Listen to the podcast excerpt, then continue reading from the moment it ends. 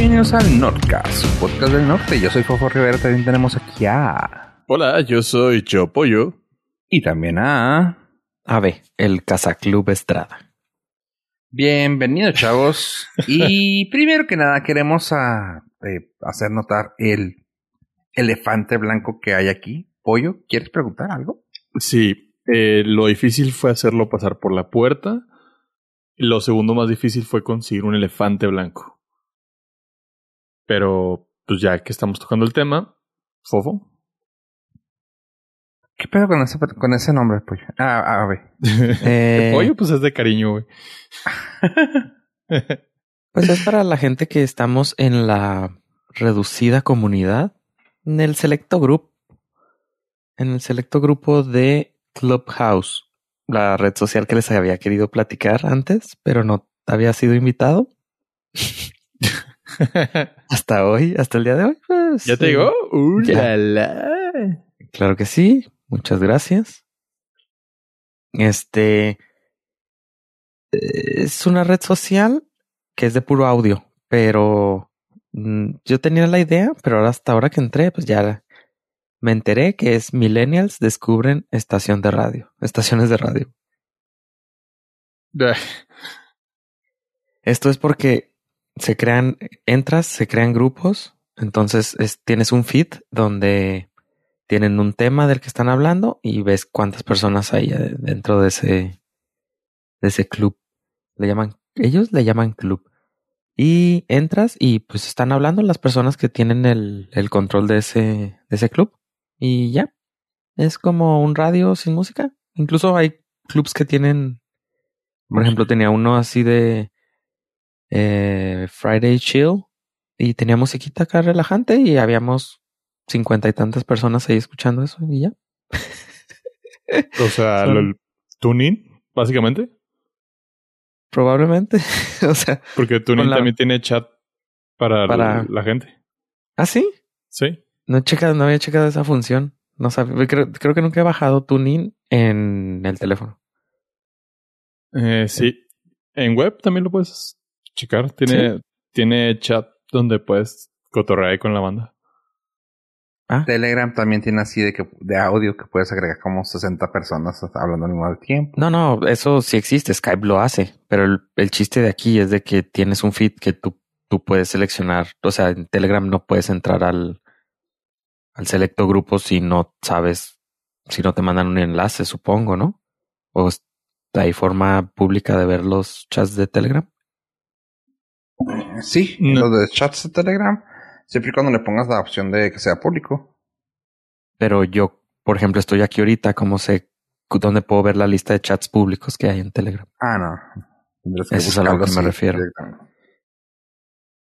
Aquí están todos, son por default, son públicos y están en el feed. Entonces tú le das scroll en vez de estar viendo tweets o noticias de Facebook estás viendo qué clubs hay, de qué están hablando y qué personas están adentro.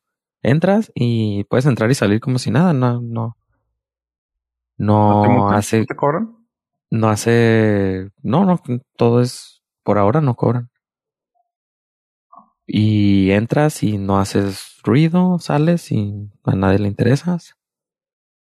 Eh, y ya, es lo que más me recordó. Las estuve en, hoy en escuchando a MC Hammer hablar, creo que sobre un libro.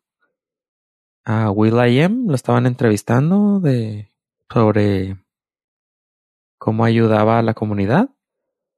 Ahorita en este momento está Kim.com platicando sobre temas random. Bienvenido a Clubhouse, dice.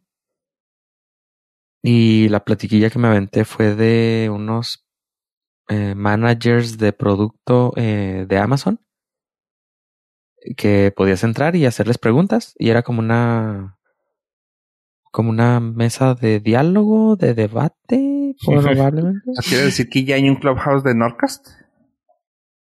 Eh, no. Siendo nosotros nuestro propio clubhouse de pláticas diarias de Nordcast. Wow. Pues, pues sí. está en el Patreon. ahí está. Les damos el link. Ah, sí. O sea, a mí se me, o sea, lo único que se me ocurrió hacer con Clubhouse es eh, a lo mejor transmitirlo en vivo O sea, ahorita podría sacar un cable, lo conecto al teléfono y estamos transmitiendo en vivo y pueden entrar a escucharlo en vivo si quieren y ya. Ese es el otro problema de Clubhouse. Que todo es en vivo, no es nada grabado. O sea, la plática que escuché ahorita, si nadie la grabó, pues ya se perdió para siempre. Es una de las desventajas que le veo por ahora. A lo mejor le pueden agregar esa función. La ventaja es de que están peces gordos, está Zuckerberg, está Bill Gates, está este artistas, eh, inversores de inversionistas. Inversión, inversión, inversores, inversionistas. Y capacitores y... y este, entonces están ahorita como experimentando, viendo a ver si le invierten y está, hay mucha gente de Bitcoin. ¿Experimentadores? ¿Quieres decir? Experimentadores. y es lo único, está Jared Leto, está la esposa de Steve Jobs, Bill Gates estuvo en una plática que ya no me tocó. Y por ejemplo, esa plática que tuvo Bill Gates, pues ya nadie la, si no la grabaron, pues ya no se puede rescatar esa plática. Idea millonaria grabar las pláticas de ahí y luego subirlas a una plataforma donde le puedas poner play cuando quieras. Uf. no sé si se les ocurre a estas personas eso. O sea, lo pongo ahí, ¿eh? sí, o sea, lo único que se me ocurre para hacer es eh, eso, de transmitir en vivo y ya. Le pones pod clubs. Uf. Uf. No, pero, o sea, pod por el, en honor al iPod, por ejemplo. Ajá, claro, Y Cast porque lo estás transmitiendo, güey. Y puede ser la, la hora de radio respetuoso. por ejemplo. Radio en vivo. Radio en vivo. Ahí está el, el estilo. Y lo único chido que tiene es que está haciendo mucho ruido. Pero porque es de. Es por invitación. Así como lo fue Google Wave y no sé qué otras y redes sociales. tú ya tienes una y no, no, no, no diste una, qué gacho. Nada, pues es que se la merecen. A ver, seamos no, sinceros. No, o sea, honestamente no, güey. O sea, no he hecho nada en esta vida para merecerlo, güey. No, no, usted sí. No, estoy siendo sarcástico. No, no, tú, este, de hoy te amaneciste más guapo, ¿no? No, lo que bueno, se bueno, ofrezca. Pero fuera de eso, no tengo logros personales como para merecer una invitación. Como no, como no. Aún así, lo voy a intentar. Yo el simple hecho de nacer en la dinastía, güey, es un... Yo tengo la encomienda de tratarlo bien a usted. Eso se agradece. ya le hablo de usted, mire. A eso se agradece y sobre todo porque se nota el respeto. Sí, sí, hay niveles, hay niveles. Entonces, este Estoy emocionado de pertenecer a esta nueva red social. este selectiva, a esta selecta red social. No, ya tiene un año. Pero ahorita es lo que está de moda. Próximamente ya, ya salió, ya está disponible Twitter Spaces eh, para pruebas limitadas, que es exactamente lo mismo. Es un o sea, pero está limitada para la plataforma Android, creo. Entonces, va a funcionar de la misma manera. Ustedes crean un, entre comillas, espacio en Twitter y obviamente, pues, si tienen su perfil público, le va a anunciar a sus seguidores que ustedes crearon un espacio. Sus seguidores van a poder entrar y escuchar lo que ustedes tengan que decir y le van a poder dar la palabra a seguidores o personas que ustedes sigan o ustedes quieran darle la palabra y va a ser la plática ahí efímera. O sea, a menos de que alguien más la grabe. Está interesante lo que está haciendo Twitter últimamente. Sí, le está metiendo bastante innovación e reinvención. Eh, habíamos hablado, ¿no? Hace un par de semanas acerca de los del Only Twitter fans. Super follow. Super follow. Eh, Twitter ah, también me estuve leyendo que van a meter una opción donde te vas a poder arrepentir de un tweet. Vas a tener hasta seis segundos para cancelarlo. Que no es el edit que todo el mundo quiere, pero pues es algo. Sí, a, a mí me ha funcionado mucho en clientes de correo electrónico que sí a veces digo, no, no, no, no, no.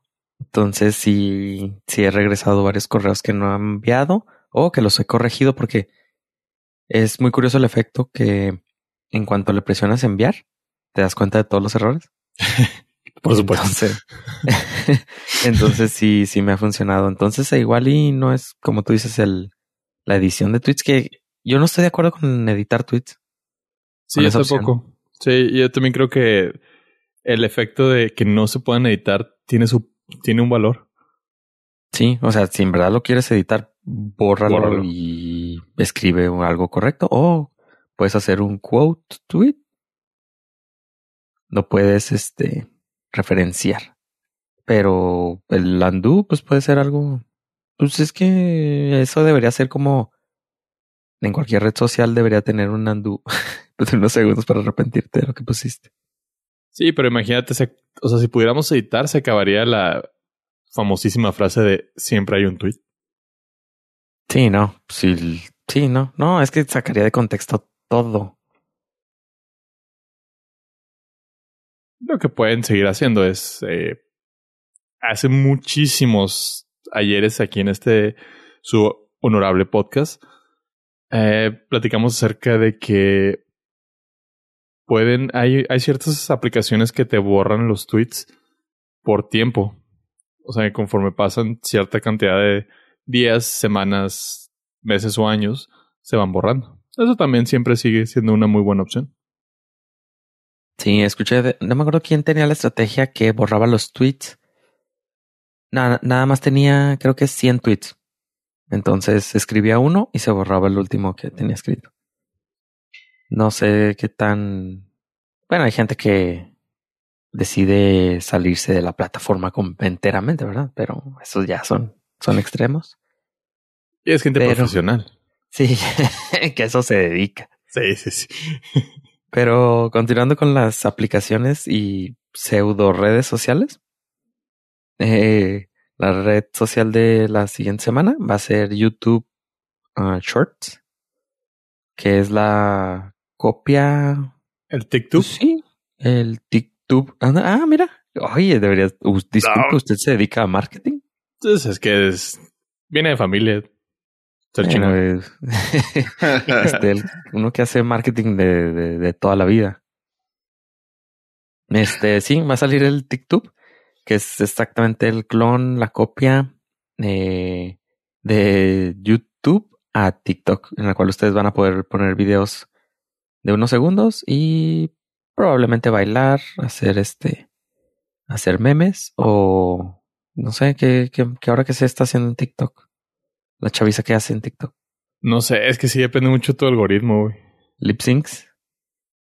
Uh, por ejemplo, el mío me muestra eh, recetas de cocina, fútbol y güeyes que se dedican al conservacionismo.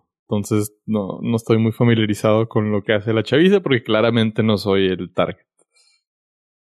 Bueno, pues ya lo vas a poder tener también en, TikTok. en YouTube. TikTok. El TikTok, pues está. Como que todo el mundo está, está un paso atrás. No creo que. Honestamente, no creo que les vaya a pegar mucho. Querer ser el nuevo TikTok no creo que sea la solución. Pero por ejemplo, tú dices, no, a mí no me llama la atención eso. O sea, a mí yo quiero algo más este gracioso. Porque a mí me gusta la pura comedia. Pues ya tenemos el Flixtalk. Que ahora es Netflix. Va a sacar una aplicación que se llama.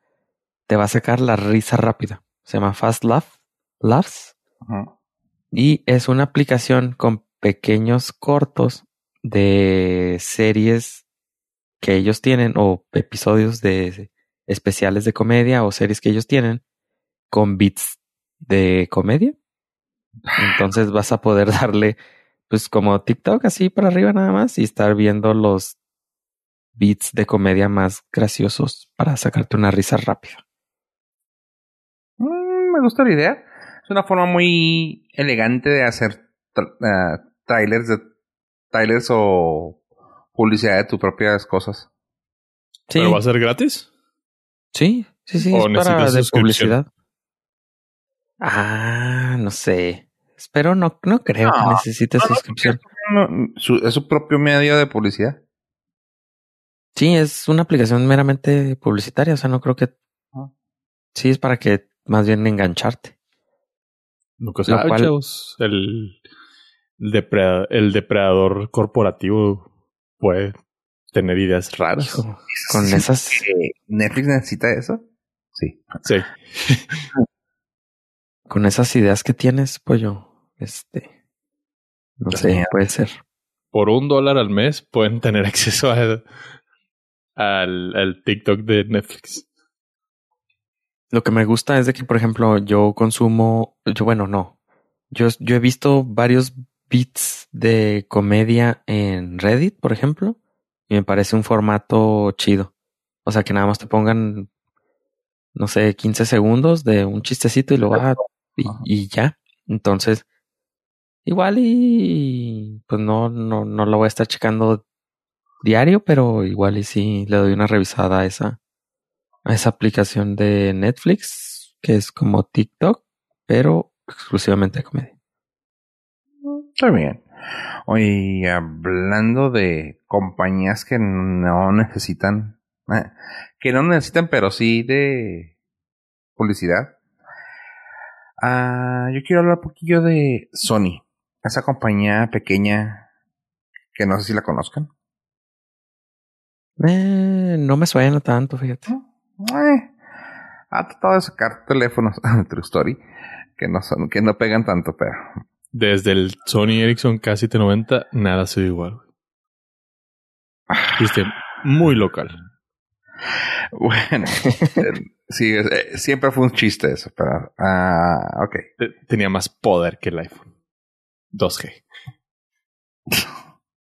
Bueno, ah, chavos, Sony, como algunas personas saben, si no saben, tiene telarañas en su mente. Y me refiero a que directamente ellos son, tienen el poder de publicar películas, tienen el poder de películas de Spider-Man. Todo lo que tenga que ver con los personajes de Spider-Man le pertenece a Sony.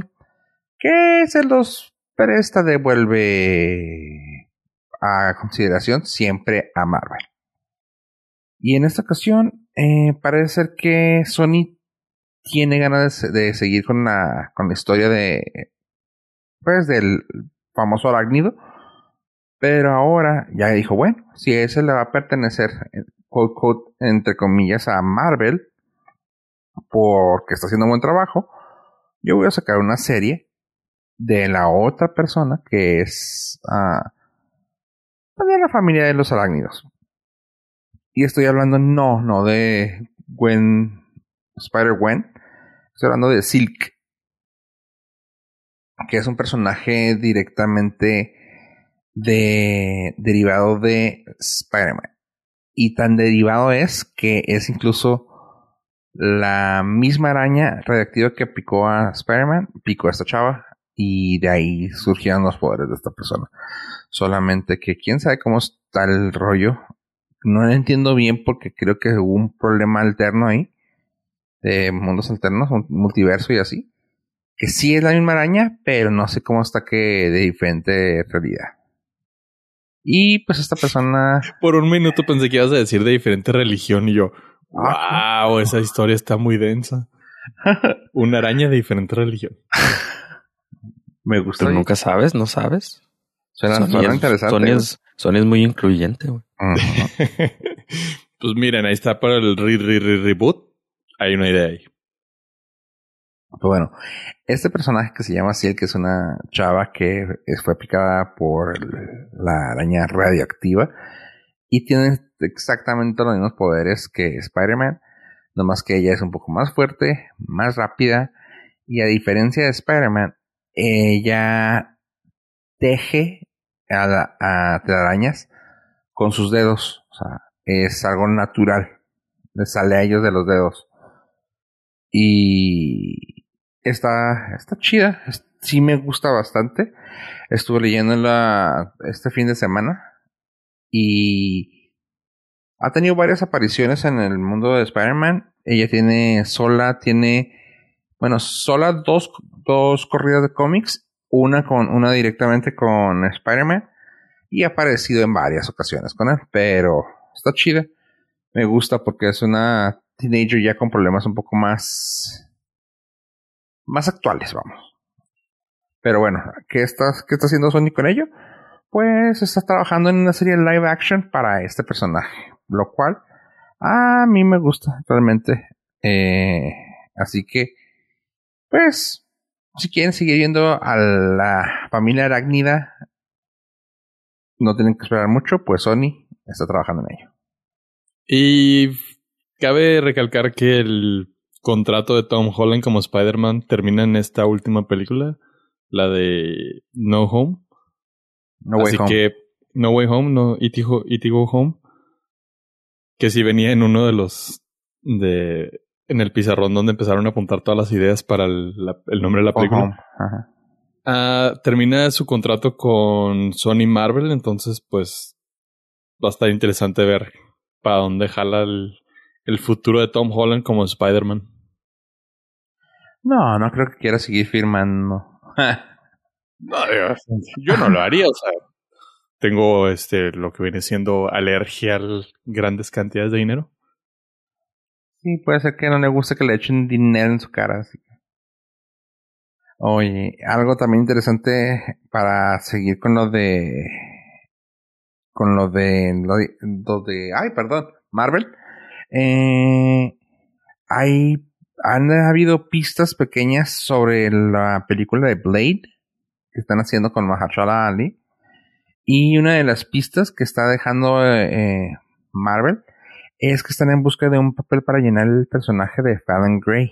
Y ustedes dirán, ¿quién es Fallon Gray? Pues ella es la hija de Blade. Eh, y está suave la historia. eh, está, pues sí se abrió la convocatoria del personaje. Están buscando a alguien que, que parezca totalmente el. que llene el lugar de, de este personaje.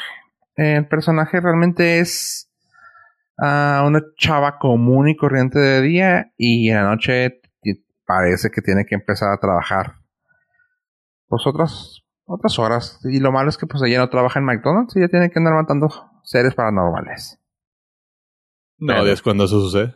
así es así que eh, es lo que ha salido que más me llamó la atención este esta semanita de Marvel News Pues mira, aprovechando que estamos en el universo de Disney, a ver me gustaría retomar algo que se me hizo muy interesante esta semana.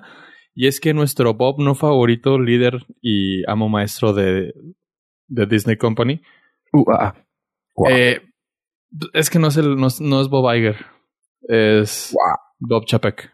Uh. ah, oh, oh. Esto- no se lo regresé, güey. sí, no lo merecía, la verdad. Bien ahí, bien ahí. Ah, se ha metido en un, no sé si un predicamento innecesario, pero alguien lo tenía que hacer y dijo Bob Chapek, voy a hacer yo porque necesito que la gente me empiece a ubicar. Ni no como el Bob Iger eh, genérico. Bob Iger malo. El Bob malo. Ah, acaba de, de- la semana pasada dio un, una explicación a los medios diciendo que la era de los blockbusters ha muerto. Los cines básicamente son cosa del pasado y shocker, yo sé, todo el futuro va a estar en streaming. Esto no viene a pues no viene, no, no le cayó en gracia a los accionistas de empresas como AMC, como eh, Cinépolis, como Cinemark que ya no existe, como Cinemex que ya quebró, como ah, pues con razón dijo eso. Ah, eh, dijo que uno de los grandes problemas que existen saliendo de todo este problema del maldito bicho es que la gente no está todavía muy segura de regresar a las salas. Y dos, ya no hay salas a donde regresar.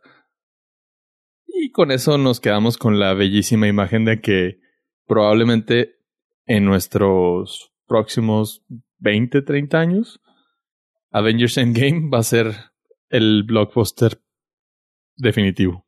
No va a haber película que pueda superarlo. Ok, pero pues, ¿qué película también? A ver, oh, ah, no, es como los discos. Que hay discos muy antiguos que quedaron como los más vendidos, pues porque ya no se venden discos. Exactamente. Chale.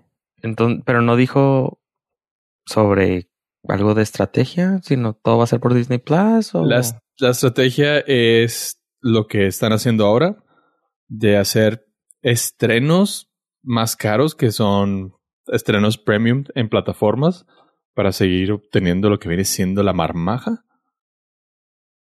De, porque vieron que la gente está más conforme al contratar ese servicio en sus casas. Eh, no sé en qué episodio, pero era de los que tenía dos dígitos. Se les dijo aquí. Se les dijo. Y no nos hicieron caso. Exacto. ¿O sí? ¿O sí? O, bo- Tarde. Bueno, hay que, hay que destacar que Disney literal sobrevivió gracias a la visión de Bob Iger, que escuchó al Norcas y le apostó todo el dineracho al desarrollo de la plataforma de Disney Plus. Ese fue como un. Es que no sé cómo se llama, cómo se puede decir eso. Es algo milagroso. Es un golpe de suerte. Es un Visionario. Visión, visión, pero eh, yo le agregaría ahí 90% visión, 10% de suerte. Suerte. Sí. Sí, sí, porque fue así de que justo, o sea, el timing fue perfecto, el producto fue perfecto. La tecnología estaba ahí. Pero. Pero, ah, ok. Pero, ¿cuál visión estás hablando? ¿La visión roja o la visión blanca? Ah, tú No sé de qué estás hablando, no, no he visto nada de qué, de qué estamos hablando. a tu Zoom. Eh, pero sí, yo también estoy contigo con lo de Bob Iger. Era una locura lo que quería hacer con Disney Plus. O sea, competirle a Netflix cuando tu mercado está en los cines no tenía sentido. No, pues entonces, qué chido. O sea, para mí es que chido. Eh, sí. Tú no sales, tú no convives. Exactamente. No, Por pero eso está chido. por eso está chido. Pero hay que, hay que rescatar esto. No quiere decir que los cines se vayan a acabar. Lo que sí quiere decir es que los cines se van a volver una experiencia todavía más costosa porque ya no va a ser lo que habíamos platicado en este su podcast de preferencia. Es que el cine va a ser una experiencia más ah, completa. Va, lo más seguro es que tengamos cines más especializados, más temáticos, controlados por las mismas compañías, donde la experiencia ya no nada más va a ser ir a ver la película, sino tener ya todo el show completo de, de branding, marketing, de recuerdos, etcétera. Entonces, a eso se refiere con que los blockbusters ya se acabaron. Ya no van a ser esas cantidades espantosas de dinero porque cada vez había salas más grandes con que le cabía más gente porque la gente lo consumía. Claro, como ellos rompieron el récord, exprimieron Endgame hasta donde pudieron, dijeron ya, ya no vamos a sacar nada igual. Que fue con bastante Chale. truco y sí, sí. cosas turbias el récord de Endgame. Con el Oh, lo- reestreno masterizado. Re, re, reestreno para que siga contando. Sí, dos segundos extra que no, usted no ha visto. si usted se pone trucha en algún punto de las tres horas, hay un segundo adicional. Hay un cameo de alguien, no sabemos de quién, pero De un camarógrafo que no logramos quitar. sí. Ah, como en el Mandalorian. Ah, Que sí lo sí, sí lo borraron. Sí, sí lo quitaron. Dijeron, ¿qué? Ni que fuéramos este HBO con Game of Thrones. Pero salió el monito. Estoy, con- estoy contento. Oigan, Ya es- es canon. es canon. me puse a escuchar. Porque me, me gusta mucho un podcast, no sé si lo han escuchado. Eh, se llama Nordcast. Me puse a escuchar desde el primer episodio de esos vatos. Y hemos llegado al punto de que las noticias nuestras se, se han vuelto relevantes con el tiempo. Fíjate, qué, qué curioso. Es, Bueno, aquí lo pues, dijimos. Sí, sí, sí, Uno- digo, pero que qué raro, Ah, ¿no? eh, cierta gente nos ha dicho que somos el Doctor Strange de los podcasts porque manipulamos el tiempo. Sí, muy- tenemos- muy, raro. Corremos varias, este, Simulaciones. futuros, simulaciones y vemos qué es lo que va a suceder, cómo se va a hacer el desenlace. Así que, pues, Ahí nomás lo que le venimos manejando. O sea, podemos tener, pudimos haber elegido entre ser exitosos o ser acertados. De nada. más que obvio, somos acertados. Somos acertados. Eh, por ejemplo, en el episodio beta, en el cero, estamos viendo que Joe Pollo habló y decía que la película de The Mummy con Tom Cruise iba a fallar. Y que probablemente gracias a esa película iba a valer madre el Dark Universe. Y mira, ¿quién lo hubiera pensado? Y eso desde, que... el, desde el cero. O sea, no estamos hablando de que, no, hombre, nos tardamos 200 episodios para llegar a la, a la y fue, verdad. fue doloroso, ¿eh? Porque es Tom Cruise. Y fue doloroso y porque también a mí me gustaba el mundo oscuro de Universal, pero mira. Y desde el cero, chavos. O sea que si lo están oyendo esto ahorita en el episodio 198, créanme que va a pasar. Así somos de buenos. ¿Sabes lo que Eh, no va a pasar? ¿Qué? Dinos. Es Top Gun 2. Ah, te odio, güey. con- Cabe, ¿no hay cabe destacar, eso? cabe, cabe destacar aquí para nuestros Nord listeners que íbamos a hacer todo un evento para ir a ver la película. Íbamos a hacer la versión 2 del Roadcast, donde los colegas aquí eh, presentes del otro lado del micrófono íbamos a íbamos a sacar a Ave de su casa para hacer esa experiencia inmersiva tan maravillosa que iba a ser ver Top Gun 2, pero eh, sigue pendiente, va, se va a estrenar aparentemente en diciembre de este año. Ya, Aparentemente. ya, ya había comprado mi overall, ese de, De, sí, de, de aviador. de- ajá, de aviador. Ya tenía mi overall, ya nomás me faltaban los, los lentes. Los ray de aviador. Sí, nada más eso me faltaba, ya, ya tenía casi todo. Qué triste. Y mira, y mira que lo estamos diciendo en el episodio, numéricamente en el episodio dos- 200. No va a haber Top Gun 2 para verlo en el cine. Eh, Bueno. Pendiente. ese, ese lo dijimos desde hace rato, pero este, La, la, Nomás la, la, la, la, estamos saber. echando ahí limón a la herida. No, yo nomás, No. quiero- yo nomás quería recalcar que iba a ver que este realmente es nuestro podcast 200, pero el ¿No? que es reconocido como el 200, ahí viene en dos semanas. No, no, no. Sí, el, el numerito del- en el episodio dice 198, es el 198. Sí, sí. No tengo dudas. Es, es el Nada canon, más. es el canon. Los demás fueron trials. Sí, Eh. estamos en... Como, como me puse a escuchar así de que dije, ¿cuántos tenemos? Ah, Cánico 199. Dije, ¿cuáles son los que no te- los que tenemos extra? Ah, pues Eh, sí. Hay por ahí un lado A y un lado B y cosas el así. lado A y lado B y el episodio cero. El beta. ¿verdad? Cuando dijimos que un episodio de ¿qué? 4, 5, 6, 7 de 126 minutos era demasiado y dijimos, vamos a hacer lado A y lado B.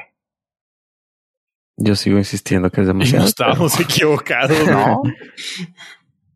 No, no, no, para nada. Seguiré estábamos en- insistiendo. Eh, pero, pues, estos chavos que no saben nada de la vida. Oigan, pero por chavos ¿saben qué nos falló? Pudimos haber visto, creo que nos ha fallado ver varias películas, entre comillas, juntos, con la opción de Disney de Sí. Play Together. algo Play así, Together. ¿Sí? Sí. Creo que ahí nos falló. Watch, creo sí. que Watch Together, ¿no? eh, Something Together. Creo que que ahí también nos falló. Netflix, pero como que Netflix nos da tantas ganas de verlo juntos. Eh, nah. No, gracias. No thank you. Ah, qué, qué gacho eres. No, pero ¿saben qué es lo mejor que puede pasar? O sea, decirles a sus compañeros que vean una película porque tú ya la viste y luego, y luego echarte para atrás. Eso es lo mejor, que ellos sí la hayan visto. Y me encantaría que le explicaran a nuestros Nord listeners cómo hice una jugarreta. No, mejor dale porque luego nos vamos a enojar. No, no. Yo quiero saber más. Bueno. Platíquenos de Tom and Jerry, la película. Bueno, tenemos un. Pues no le vamos a decir amigo. ¿Tú, tú, tú le dirías amigo por después de que lo que hizo eso, ¿vale? No, claro, mis mejores atenciones. Ah, no, no, no, no, no, no, no. Independientemente, independientemente. Aquí ya está, está anotado, ¿eh, Fofo? No, no, no, no, no, no. O sea, amigo no, no. hermano. No, no, no. A ver, lo que se le ofrezca al patrón. Yo perdono, pero no olvido. Las mejores, las mejores intenciones, los mejores deseos. No, pues bueno, eh, aquí nos dejaron morir, nos dijeron, no, vamos a platicar. ¿Qué les parece? Es que le platiquemos de Tommy Jerry, chavos. Entonces, aquí hay un guion estricto. una escaleta. Una escaleta rigurosamente estricta. Que dijimos, claro, vamos a tener que hablar de ello. Todos tenemos que hablar. Eh, los, todos los patos vuelan juntos, así que vamos a ver todos juntos. Hijo, eso ya me dolió. Pero pues hay patos presidenciables. no, hay patos zapatos. No, miren, eh, mea culpa, mea culpa, yo lo reconozco. Yo fui el que puso el tema en la escaleta porque era un tema que me interesaba. Interesaba. Le puse play, lo empecé a ver un par de minutos, pero pues la, la, vida sucede, chavos. La vida es aquello que pasa mientras uno está esperando ver grandes películas de Tom and Jerry y por azares del destino tengo que ponerle pausa y hacer cosas más entretenidas y divertidas. Y cuando la quise retomar, pues se estrenó algo más interesante en mi punto de vista. y yo pensé que ustedes no la habían visto.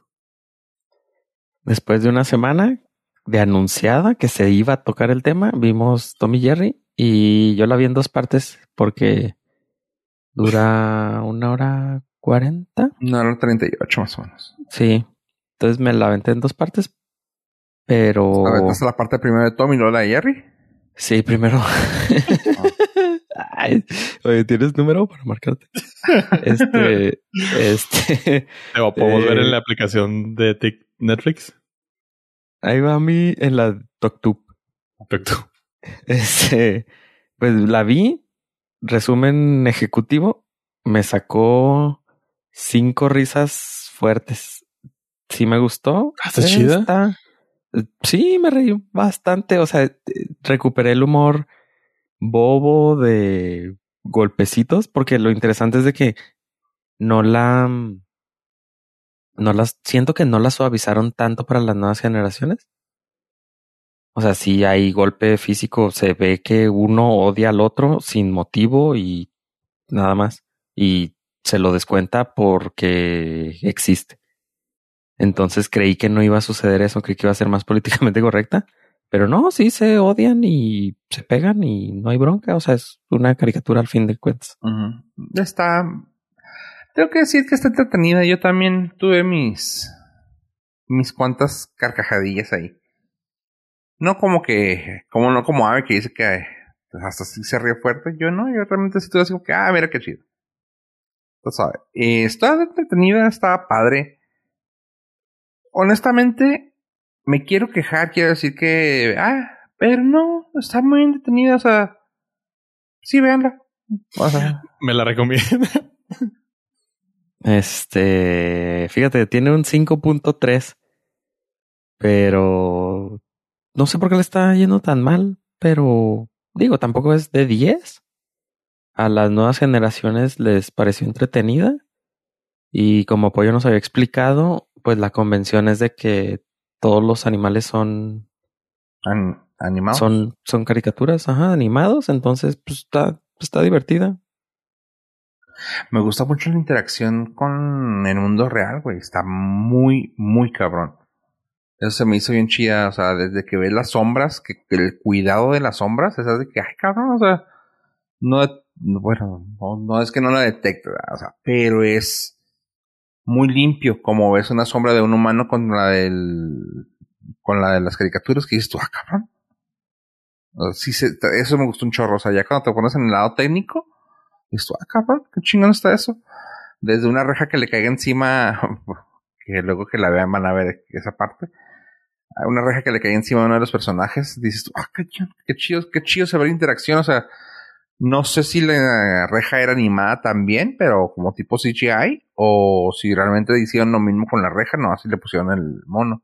Está muy chida, o sea, sí se me hizo muy suave la animación, los efectos, el simple hecho de que el actor pueda voltear a ver al personaje, que aunque sea muy chaparro o muy grande, lo sepa dónde está. Se me hace muy chido. Mira, para que vean que no, o sea, no los dejé morir de gratis. En la semana estuve investigando y vi varias entrevistas con Colin Jost, que sale en la película, que ha sido el junket o la, la, la, la, gira publicitaria más chafa que he visto de, de una película, pero pues entiende, Zoom. Ah, y en realidad sí tengo muchas ganas de verla. Creo que mucho del hate de la película es que la gente piensa o tiene un recuerdo raro de que Tom y Jerry son muy divertidos y no es necesariamente la, la realidad. Es una caricatura entretenida, pero no es divertida. No sé si, corríjanme chavos si estoy mal, pero tiene que ver el, por el hate. ¿Ustedes creen que tenga que ver con el hate de la película? No sé, a mí sí me pareció muy divertida sí me sacó risas, vi que sacó risas. Eh, pues yo creo que será el mood que traen ahora. Yo sí lo veo más que nada como ese pollo, fíjate, o sea, como que pensábamos que era muy entretenido y ya cuando te pones a ver, o sea, no, no eran unos Looney Tunes, no era, no, no eran Looney Tunes, o sea, era gracioso, pero era muy de su tiempo y ahorita, pues lo quisieron ajustar mucho a lo de ahorita sin perder el, como dice Ave, sin perder el, ese edge que tenía. el odio que se tienen. Ajá, del odio que se tienen, que se podían pegar, que se podían hacer todo. Sí, digo, antes era muy obvio de que, ay, que veían una gata y le chiflaban y se ponían bien acá.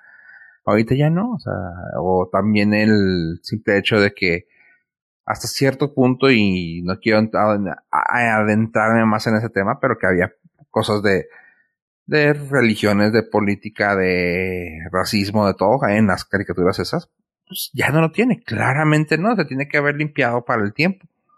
Pero, pues sí, yo estoy de acuerdo con lo que dice Pollo, o sea, no era, no lograron conservar todo y han hecho que la caricatura se sienta como algo viejo pero no, eso no le quita lo, divertido que, que fue. Vamos. Como dices, pues muchos piensan que sigue siendo graciosa, pero no, no, no, no era tan graciosa, pero conserva lo bonito que fue en la caricatura. Mm, sí, la voy a ver. Sí, sí, sí, está chida. Sí, vela. Oye, y... Con odio, vela. vela, maldito. Y hablando del señor Colin Jost, ha estado, ha estado muy activo. Eh, para los que no sepan quién es Colin Jost, es uno de los presentadores de Saturday Night Live. Es el esposo de Scarlett Johansson. Así. Ah, fíjate, sabes que en la película sale de pareja con alguien y en, cuanto lo vi que él entró, dije, ah, ojalá sea Scarlett Johansson. Y no, no. o sea, sí me hubiera gustado verlos en esa película porque. sí. o sea, me hubiera gustado verlos. Pero Es el señor Johansson. Es el señor Johansson, exactamente. El esposo de Scarlett Johansson. Pero sencillo, pelada. Eh, pero bueno, él es el, uno de los escritores principales y es el que presenta las noticias en Saturday Night Live. Ah, pues bueno, Colin Jost realmente no tiene muchos papeles, pero a partir de de Saturday Night Live le han salido uno que otro. Y entre ellos, pues fue eso de Tony Jerry. Y me di también la tarea de ver un estreno que también lo habían cantado mucho los de Amazon Prime. Se llama la película Coming to America. Ok, ok, sí la vi. Hoy salió, ¿no? Sí, salió. Hoy. Sí, fíjate, lo hubiera visto, pero como, no la pusiste en la escaleta, pues no me comprometí, fíjate. Ah, ok, ok. Eh, pues como que la mayoría de aquí no son muy dados a ver cosas viejitas de Ah, yo sí soy muy fan de, de esa película, la original, que se llamaba igual, Coming to America, pero con palabras. Y está muy inteligentemente le pusieron Coming, Coming el número 2, America. Coming to America. Hijo, no, hombre. Yo ¿Cómo se llama en español? yo pensaría que hasta Pollo le puso el nombre por, por tan inteligente nombre que tiene. ¿Cómo se llama en español? Eh, ¿Un rey, de Nueva York? Rey de Nueva York, una cosa así. Uh, es, es, un clásico, güey. Todo el mundo lo hemos visto. Un príncipe en Nueva York. Un príncipe en Nueva York. Dos. si entras a amazon.com.mx, te lo ponen el. Sí, sí, sí. pues si, si vieron la 1, esta es una la secuela directa de la película. Y está buena, está buena. Lo que me gustó es que lograron hacer que que fuera una secuela directa de la película de 1988. O sea, se toman en cuenta el tiempo, toman en cuenta todo eso. Y lo que más de, desaplado es que lograron tener casi el 90% del cast original. Que así de que, ah, qué fregón. O sea, hasta los que eran los extras, casi los lograron tener. Digo, faltó Samuel L. Jackson, que fue la primera aparición de él en el cine. Eh, pero de ahí en fuera, creo que tuvieron casi el 90% del cast, hasta los que eran, como les digo, como, como supporting uh, roles. Uh, en la primera película, el rey de Sam, Sambu, Samunda, el rey de Samunda, quien es uh, hecho por Eddie Murphy, anda buscando esposa en Nueva York y le consiguen haciendo una disco a varias chavas y entre esas chavas salían unas gemelas que nomás salen entrevistándolas así como que, a ver, ¿y tú por qué serías buena esposa? Y empiezan a rapear las dos. Ok, así como que, ok, está gracioso. Next. Y sale otra chava y así, así. Y aquí así de que hubo una parte donde, no, y tenemos también invitados a, no sé, no, no cómo se llamaban, pero así de que, ni fu ni fa. Y empiezan a salir, salen las dos chavas y empiezan a, a rapear y tú, ok, qué chido que la consiguieran, güey. cositas así muy, guiños muy padres de esos, de esos papeles que en su tiempo fueron así muy icónicos. Ah, también lograron tener a las dos voces más importantes del mundo mundial. Y que esas se las dejo yo Pollo. Pollo, ¿cuáles son las dos voces más importantes en Estados Unidos? Es muy sencillo. Darth Vader y Mufasa. Exactamente. no hay pierde. Eso no me lo sabía. Güey, tú puedes, o sea... No, no, no, espérame, espérame. Ya, sí, sí sabemos que es la misma voz. Pero aparte tuvieron la otra voz de, Estados Unidos. No, no estamos seguros que sea la misma voz. Eso es un alma diferente, el de Mufasa. No, no, no la otra voz más importante de Estados Unidos, ¿ustedes recuerdan quién es? Frank Sinatra. no, no. Esa es la voz. Ah, ok. No, no, no. Eh, Morgan, este. Morgan Freeman. Morgan, Freeman.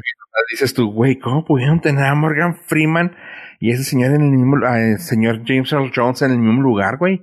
Tienen que estar separados toda la vida, güey. No pueden morirse, güey, juntos, güey. ¿Sabes quién faltó? El de YouTube de La Voz del Radio. Hubiera estado genial, güey. No, güey, me dio mucha risa así de que... Sí. Ah, no. el señor, el homeless? Sí, el homeless del, de La Voz del Radio. Hubiera estado increíble, güey. Hubo una escena donde están presentando al rey, que es, eh, que es uh, protagonizado por James Earl Jones. Y luego así de que con ustedes, el señor, el rey, King Jeff. Y tú, ¿y esa voz quién es, güey? No mames. O sea, dices tú, no mames. Tampoco va a ser de volada vuelta a la cama y está este. No mames, güey. Está presentando la voz a la voz. O sea, qué chingón. Está. Había mucha risa que pudieran lograr, lograr hacer eso. Eh, pues bueno. Y está. Y cabe decir que la primera película fue muy importante, pues fue una de las primeras películas totalmente esterilizadas por puro cast uh, afrodescendiente o ascendiente. ¿Cuál es? Afrodescendiente. Lo que dijeron en ustedes. Eh, Ave dijo ascendiente y descendiente y ahí no hay pierde. No, yo no dije ascendente, No, dije no. No, yo dimos las dos opciones al mismo tiempo, ya no hay pierde. Coge la que tú quieras. Escoge la, que- la que te haga feliz. Lo importante de la primera es que, como les digo, era casi el 99% del cast era, era pues, descendiente. Y que lo importante de eso es que van a decir, ah, pues estuvo Friday After Next o wha- whatever. Lo padre aquí es que era la primera ocasión que ponen a una tribu, a un rey de color en la pantalla. Y es de que dicen, güey, o sea, si creen que, que Black Panther fue uno de los más representativos, tienen que haber visto Coming to America. Y tú, órale. O sea, ya cuando estuve leyendo sobre eso, dices tú, sí, cierto. Ah, y aquí, como les digo, está muy entretenida. Lamentablemente, los números en, en todas partes no perdonaron. Siempre que es una secuela, nunca van a perdonar. El porcentaje de, de puntuación en IMDb es 5.5 y en Rotten. Tomatoes es 49. Es una buena secuela, pero claramente no tiene ese punch de, de la primera haber sido hecha en, noven- en el 88. Hay muchas cosas muy padres que ya están hechas al, pues, a la actualidad. Pues están más woke. Ah, pero está, está gracioso. Se prestó Wesley Snipes a hacer un papel gracioso, que es rara vez que lo hace. Pero cuando lo hace está, le sale muy bien. Eh, y pues ahí, de ahí en fuera no hay queja. Está entretenida. Está en su Amazon Prime. Si tienen, la pueden ver ahí. Y tienen, y aprovechen que está ahorita actualmente las dos. La 1 y la 2. Ah, creo que la única secuela que es más exitosa que la original es la de Paddington. y no es, no tengo dudas. No, no, no, nadie tiene dudas. Te, te creemos completamente. Paddington 2 es una joya de la humanidad. Ok. Ok. Soy muy serio cuando hablo de Paddington, güey. Muy serio. Me lo tomo en serio. Y tengo una noticia que puede ser que a ti te gusta. ¿Quieres que te la diga? Eh, ¿Es cochinota? Bastante. Pues tiene que ver con Tatooine. Uf. Bueno, Tienes, tien- tenías mi atención, ahora tienes mi interés. eso, chingado. Pues bueno, eh, resulta y resalta que ya los, ya muchos sabemos que va a salir una, una seriecilla y leve zona de parte de Star Wars. Y se va a llamar Star Wars Andor. Pues, después de la serie de Mandalorian, y después de The Bad Batch, después de Book, of uh, va a salir una serie que se llama Star Wars Andor, que va a ser con un mexa. Eh, no más voy a decir eso, porque no, no, necesita más. bueno, no, no, no no es, no es- cierto, no es cierto, pollo. Pero lo padre de esto es de que la, la serie esta dijeron, pues bueno, parece que necesita un parillo ahí de vez en cuando. ¿Y qué dijeron? Pues le van a estar metiendo ah, apariciones de un actor conocido como Ivan McGregor en su papel de Obi-Wan Kenobi. Y va a estar ahí como un... No, pues no, no dices que va a ser recurrente, pero dice que va a ser un par de apariciones. Pues no va a ser un one and done. O sea, no va a ser un... Ah, hola, bye. O sea, va a ser Eh, un... pues no, digo, no, es- no es como que vaya a tener su propia serie. no, Entonces, pues, pero, no, o no, no- sea... no pueden descargarle todo el peso a, a Iwan McGregor de la serie de Diego Luna. Lo que me gusta es que van a tener, eh, van a estar interconectadas las series que van a estar saliendo y eso se me hace bien, bien interesante y bien divertido. O sea, Ahsoka con Mandalorian ah, y, y el Book of Boba y Andor con Obi-Wan. O sea, se me hace chida y probablemente con la caricatura que van a sacar, ¿qué va a ser? ¿Qué? The Bad Batch. No, la otra, la de donde van a cambiar a, a esta persona innombrable en el mundo de Star Wars. a Cara Dune y la van a cambiar por la otra que estaba en Rebels. Ah, The Republic, something Ajá, o sea, Squad, Batch, eh, Rogue, Rangers. supongo que también van a utilizar a, a- tanto a Boba como a Man- Mando. O sea, pues ¿por qué no? Es una animación y vas a poder prestar voces, pues mételo. Me la- No, pero es, ese va a ser live action. Mm, ¿Sí? Hasta donde tengo entendido va a ser live action. Y está, la, la banda se, se prendió mucho porque un personaje de Rebels Ajá. van a tener la oportunidad también de verlo ya en live action. Órale, qué chido. No, no sabía que era live action. Yo pensé que iba a ser animación. Sí, pues es que la idea es que ah, Gina Carano iba a ser la titular.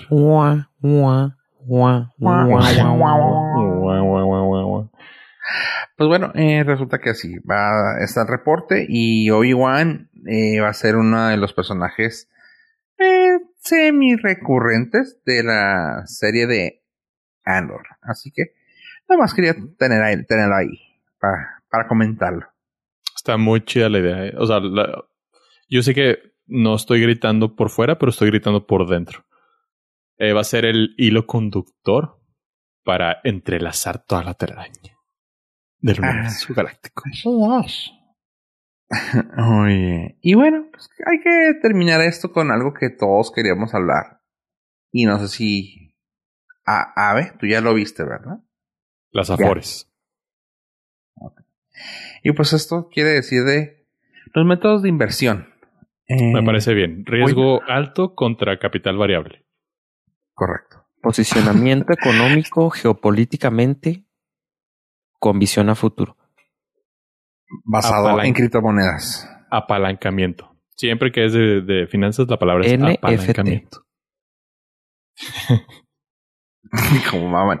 Eh, estamos hablando de la serie de WandaVision. Eh, que es más entretenido de lo que estábamos hablando ahorita, así que. ¿Cómo la ven, chavos? ¿Quién temporada. como Gorito Tobogán hablando de todo esto? Con el, con el Spoiler spoiler? alert. Sí. Spoiler alert. Es el último tema. Hubo- Pueden. Sí. Ya, us- apaguen aquí, no importa. Normalmente nunca llegan hasta acá, así que. ¿Qué Sí. Estamos en tierra de nadie a partir de estos Sí. Pues mira, vamos a platicar de política. Honestamente, se me hace bien tonto lo que hizo Colosio. Ah, cabrón, no, ¿verdad? Y bienvenidos a que. Cancel Cast. Oh. Ah, la, hubo una encuesta en nuestro Twitter y la gente estuvo de acuerdo con que habláramos con spoilers y nos dieron libertad y permiso. Ok. Así es. Así que- así ¿Hicieron encuesta? Sí, ah, es Sí. que eh, a veces en Twitter. Dejen, dejen entrar a chismear a ver qué hay. A ver qué han puesto, a ver si han puesto cosas de mí pelados. Ay, ay. Y Nosotros no, güey, el becario. ok. Pues bueno, sí, y pues vamos a hablar de WandaVision. A ver, antes de spoilear, ¿qué pensaron de esta, de este último episodio?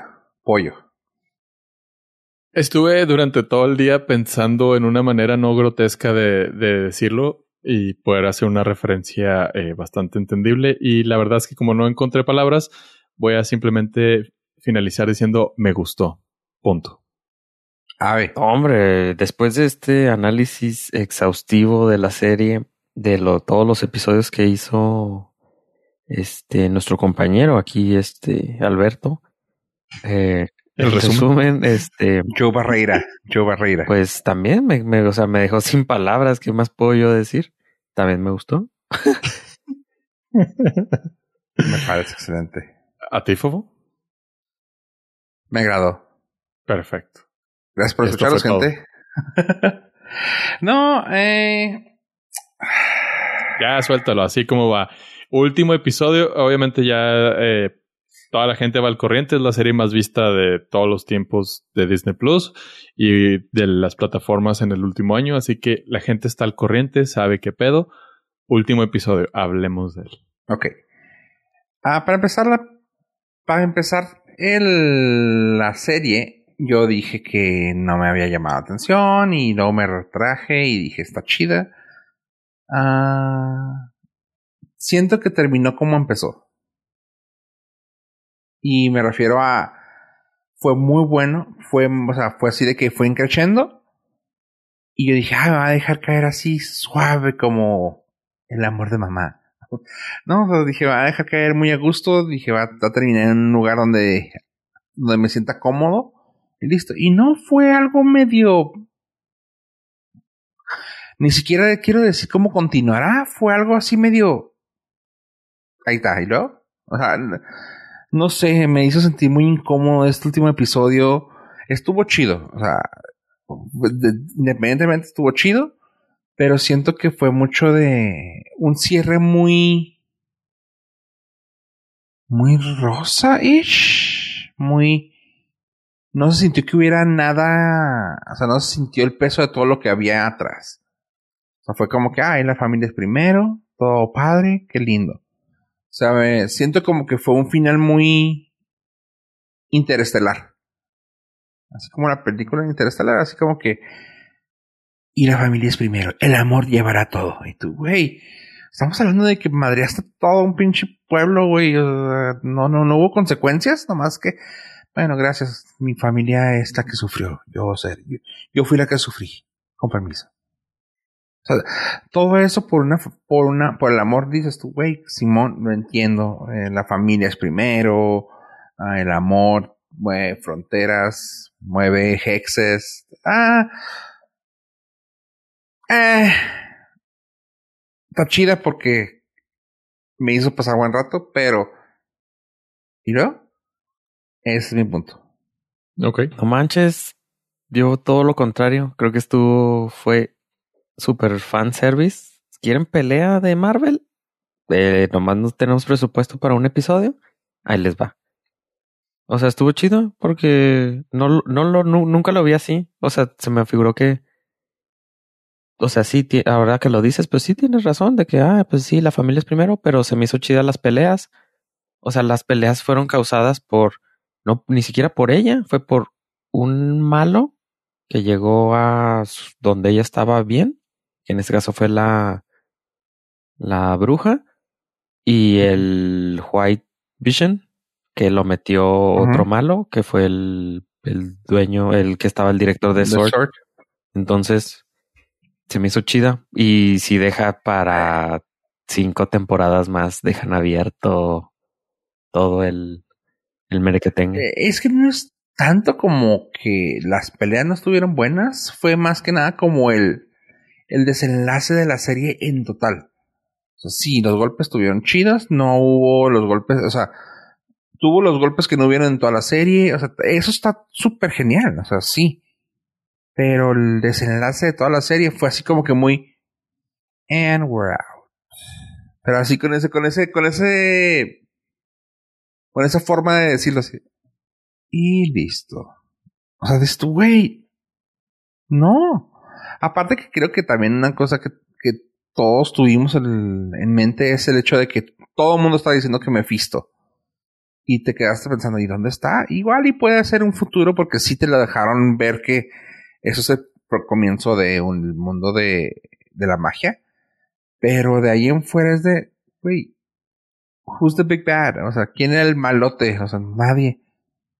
Eh, ay, no sé, si, o sea, las peleas, créeme, yo me emocioné un chorro con la pelea de, de, Vision y el, la encrucijada que le puso se me hizo bien fregón. Pero de ahí en fuera fue así. Sí, eso me pareció chido que le puso su memoria. Entonces White Vision va a ser el nuevo Vision. Vision. Sí. Ah. el truco estuvo suave ahí. Como cómo se le ocurrió, dice, ah, yo ya de aquí no salgo, pues este que sí va a salir, que se lleve todo lo que tenga en la memoria. Ajá. ¿Y tú, y tú, Joe Barreira? Ah, a, mí la verdad me gustó mucho, o sea, sí me gustó mucho el episodio. Por un lado entiendo tu, tu sentir, pero creo que, o sea, es fuiste víctima de tus propias expectativas y fuiste víctima de tus propias teorías de conspiración con el villano y todo. O sea, conforme nos iban mostrando, no sé, y es, yo la verdad no, como no conozco nada de, del cómic, nada de eso, para mí estuvo toda madre. Las peleas estuvieron con madre. Ah, salió Kat Dennings otra vez. Súper, súper quepo. Eh, la, el, el cierre de la pelea de Vision se me hizo brutalmente inteligente. Se me hizo bien fregón, así que no todo lo tenemos que resolver con madrazos. Si tienes a dos androides, robots, seres súper inteligentes, sería lo más obvio que lo resolvieran con inteligencia. Y así fue. O sea, se me hizo súper inteligente todo ese pedo. Y lo de la familia, a mí sí me gustó mucho porque de eso se trató la serie. O sea, la serie se trató de la familia, de que esta morra quería una familia, de que esta morra se sentía sola. Y te ponen el, el, pues todo en contexto de que pues todo el desmadre que hizo fue ella tratando de, de sentirse acompañada y al final aceptando la realidad de que está sola. Y te la pusieron el, último, la, última escena post crédito como Thanos en, en, el planetita sola, haciendo su tecito. A mí se me hizo bien chida. Como yo sé como Ave, creo que las posibilidades hacia lo que viene son infinitas. Inclusive el mismísimo Kevin Feige confirmó que no tienen confirmadas más temporadas, pero tampoco le dice que no. Lo cual quiere decir pues que ya el plan está ahí, viendo el éxito de las series de, de Marvel. No es nada descabellado pensar que, que ya están preparando todo, todo el caminito. Porque cabe destacar que antes de que empezaran las series, con todo el boom de las películas, hubo mucho. Hubo mucha renuencia por parte de los fans que pensaban que una serie de Marvel no iba a funcionar. Sobre todo porque veníamos de, Agents of Shield, cosas muy diferentes que no, no se sentían del todo cinematográficas. Y esta serie sí se siente cinematográfica. Sí, sí encaja perfecto en el MCU. Entonces, yo quedé súper satisfecho. No, no me faltó, no me sobró. Eh, creo que el cierre va totalmente de acorde al, a lo que manifestaba Wanda y lo que ella buscaba. Y el cliffhanger, pues está ahí al final. Sí, también me pasó lo mismo que no conozco nada de la serie, o sea, de los cómics. Entonces, para mí el malote fue la bruja. Y aparte, yo empecé, yo no, yo ni la vi, iba a ver. O sea, Fofo cuando menos estaba emocionado, no le gustó y al principio, pero yo ni siquiera la iba a ver. Y ahora estoy súper enganchadote. Siendo que ni yo dije, no, o sea, me pasó igual con como las otras series de, de Marvel que pues no, no me llamaban la atención. Dije, no, bueno, va a estar igual, pero sin saber nada de cómics ni de historias, me me entretuvo bastante. Y al final, pues, sí, sí. Siento que eso fue uno de los grandes logros de WandaVision, fíjate. El simple hecho de conectar con gente que no, no vería una cosa de Marvel. Por, por inercia propia, vamos. Eh, he escuchado varios casos de gente así de que, güey, ahora quiero saber un poco más de, no sé, güey, de qué pasó en Sokovia o qué pasó con este güey, o por qué se murió Pietro. Cosas así medio raras que antes la gente era de meh. Y en tu caso, pues lo dijiste y se me hace hasta chido que tú mismo estás diciendo eso de que, pues ahora ya, ya, ya quiero saber qué va a pasar.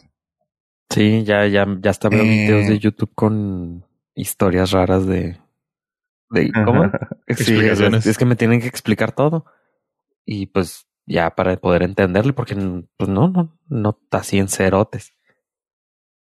La última escena donde ella está tomando su tecito, eh, rápidamente les quiero comentar, es un, ya, ya es un guiño completamente directo a la película de Doctor Strange and the Multiverse. Pues la música que se escucha cuando está flotando la Scarlet Witch leyendo el Darkhold es la canción que utilizan para la película de, de Doctor Strange. Así que eso quiere decir que ya ella ya está buscando la forma de poder traer su mundo mmm, su realidad alterna a este mundo. Y eso está chido. Se y había es dicho. una forma súper hermosa de poder hacer ya la entrada a los personajes de Fantastic Four. Porque en ese, en ese mundo paralelo en ese inter de eso es cuando ah, Reed Richards agarra a los hijos de Wanda y los empieza a criar. Ah, los empieza pues, a estudiar, a ver qué onda y empieza a ver qué, qué pueden ofrecer, puesto que son hijos de una realidad alterna, cosa que su hijo ah, es uno de los más poderosos o dioses, así por así decirlo, casi dioses de, del mundo Marvel. Uh, Franklin Richards creo que se llama. Así que es como que, ah, cabrón, estos chavos saben, estos chavos son de una realidad, cosa que mi hijo crea realidades, vamos a ver. Como que por ahí va el pedo, y es como podrían hacer, meter a los cuatro fantásticos por aquí en el, into universe, multi-universe. Nice. Sí, me acuerdo que cuando hicieron la presentación del, del de un D23 o una madre así, cuando presentaban todo el timeline de lo que venía para Marvel, sí me acuerdo que, no sé si Kevin Feige o alguien así pesado, eh, dijo literal que WandaVision se conectaba con Doctor Strange y pues como dices, ya lo pudimos ver, la entradita, Ajá. el primer paso, ahí está. Y está. A mí sí me gustó un chingo. Sobre todo viéndolo completo, o sea, los nueve episodios o nueve, me, o sea, que es súper satisfecho y súper contento. Sí los volvería a ver. Cosa que ya está chido. Sí, o sea, yo a pesar de que, como les dije, si no disfruté mucho al principio, ahora sí siento que le voy a agarrar más, más, más sabor. O sea, no voy a, no, o sea, lo negativo que pude haber dicho del último episodio no quita que se haya, sido una buena serie completa. O sea, en realidad estuvo bien. O sea, me disculpen por haber dicho lo de la primera, de los primeros dos episodios No. pero se quisieron ver muy muy dark, muy pero fue el present, fue el cómo presentaron al mundo, así que dije yo, bueno, se las se las paso, me gustó. Así que sí, ¿Y tú, a tu ídolo le, le súper encantó? yo a sé. Kevin Smith. No, no, ese güey siempre llora con cualquier cosa de de Marvel, pero sí, o sea, está Y de Star Wars. también. A Cualquier cosa que tenga fandom, ese güey le llora. y honestamente sí, o sea, sí está buena. Y como dices, yo también sería culpable de volverla a ver. Sí, sí la vuelvo a ver. No es para fijarme en esos pequeños detalles que luego en los videos que ve Ave comentan. ¿Ya vieron el aro rojo que se sale y tú? Ay, no mames, neta. Sí, sí, sí, lo, vuelvo- sí la vuelvo a ver. Muy bien. Pues A está ver. más que recomendada. Ok. Me late. Chavos, ¿algo más que queramos aportar a este bello podcast? Es únicamente darles las gracias por haber llegado hasta este momento. Y adiós. A ver. Yo soy el White Vision. Ah, mucho gusto, güey, bicho. Nos vemos después.